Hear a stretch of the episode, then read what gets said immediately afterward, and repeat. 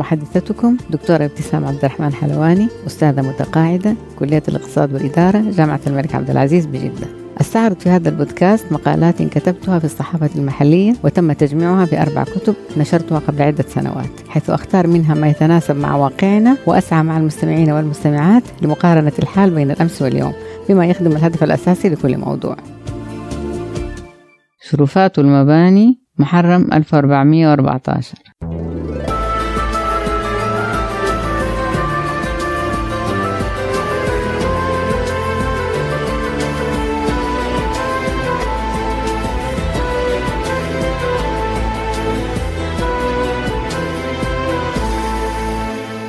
سبب كتابتي لذا المقال هو ما لاحظته من أنه بالرغم من انتشار الشرفات في معظم المباني السكنية عندنا في الشوارع إلا إنها ما بتعبر أو ما بتضيف أي لمسة جمال للمبنى اللي هي فيه.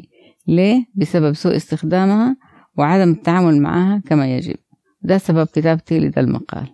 الهدف من المقال لفت نظر الناس إلى أنه يعني مو ضروري إنه يكون في بلكونه في البيت أو شرفة في البيت إذا كان ما يحبوا وإذا يحبوا لازم يتعاملوا معها كشرفة وليس كأي شيء آخر. إيش كتبت في المقال ده؟ كنت بقول إنه لما إحنا بنسافر بنلاقي إنه الشرفات منظرها مرة جميل جدا في في العماير المختلفة في أي حجم كانت. آه، باستخدامها جميل جدا بتلاقيها بالزهور يعني جميلة بزهورها جميلة بترتيبها جميلة بالديكور اللي موجود فيها. فدائما بتلفت نظري صراحة حتى في تصميمها الشرفات خارج البلد. طبعا في حاجة نقطة مهمة جدا وهي الجو. إنه صحيح الجو برا آه، بيساعد على إنه الواحد يستخدم الشرفة بشكل آه، جميل. ويساعده على إنه يجلس فيها بشكل أفضل. لكن عندنا طالما إنه وضعنا كده وجونا كده فالمفروض إنه نحن نتعامل مع الشرفة كما يجب.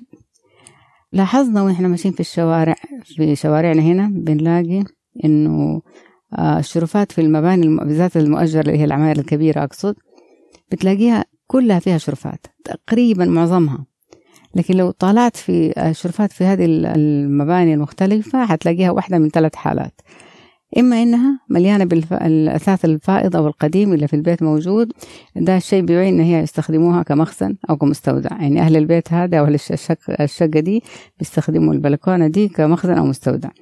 وإما الحالة الثانية بتلاقي الشرفات مقفلة بالألمنيوم. طبعا معناه أنه هذا الشيء طارئ عليها كانت مفتوحة وقفلوها بالألمنيوم. ليه؟ معناه أنه استخدموها آه، في الجلوس أو في التخزين أو في غيره. المهم أنهم دخلوها جوة البيت وغيروا استخدامها. ونمرة ثلاثة شرفات ما فيها عفش قديم ولا هي مقفلة بالألمنيوم لكن وضعها لا يسمح بالجلوس فيها ليه؟ لأنه وحدات التكييف محطوطة ظهرها عليها. يعني كل الهواء الحار والموية والحاجات اللي بتنزل من التكي... من جهاز التكييف بتنزل في البلكونة دي مما يشير بالضبط إلى إنه ما حد بيستخدم البلكونة هذه للجلوس أو للاستخدام السليم. طيب إذا كان أصلا ما في حاجة لوجود الشرفات هذه في العماير ليش بنحطت في التصميم؟ كأنه كل واحد مصمم أو كأنه كل مقاول أو كأن كل صاحب عمارة يعني كأنه مرغم إنه هو يعمل شرفة في البيت أو شرفات في العمارة وبتكلفه ماله وجهده وفي التصميم وينفذه كله. بعدين يطل لما ينفذها يطلب نلاقي إنه هي البلكونة هذه بتستخدم أو بتوضع في حال واحد من الحالات الثلاثة اللي أنا قلتها فوق. الغلطة بتفضل تتكرر في كل مبنى سكني. كل ما يطلع تطلع عمارة جديدة بتلاقيها فيها نفس الشيء وتتكرر طرق الاستخدام.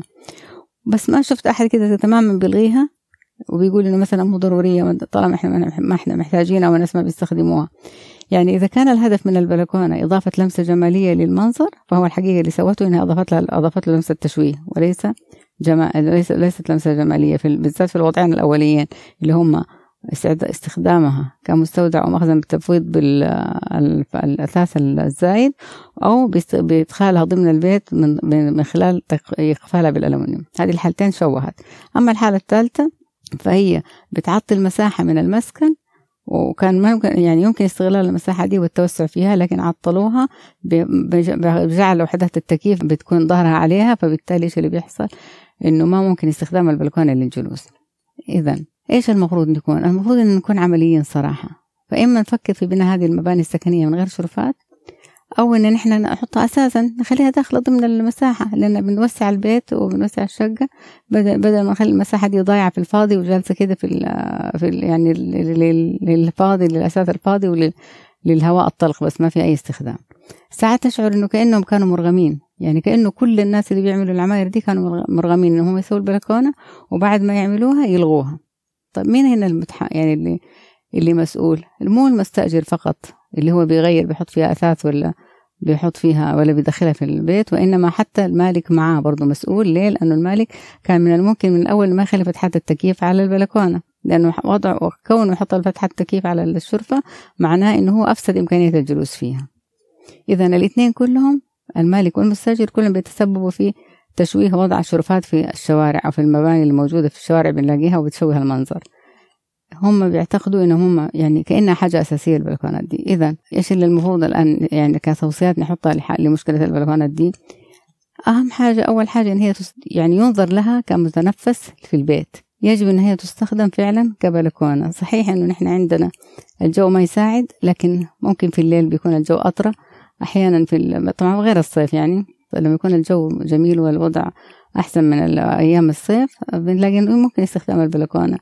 آه، ممكن تستخدم كحديقة صغيرة. يعني ممكن بالعكس البلكونة طالما هي مفتوحة ومكشوفة للشمس والهواء والنور طبعا من الممكن جدا الاستفادة منها تحويلها لحديقة صغيرة. قد ما يكون حجمها هي ممكن تكون حديقة مصغرة يعني يستفيدوا منها أهل الدار.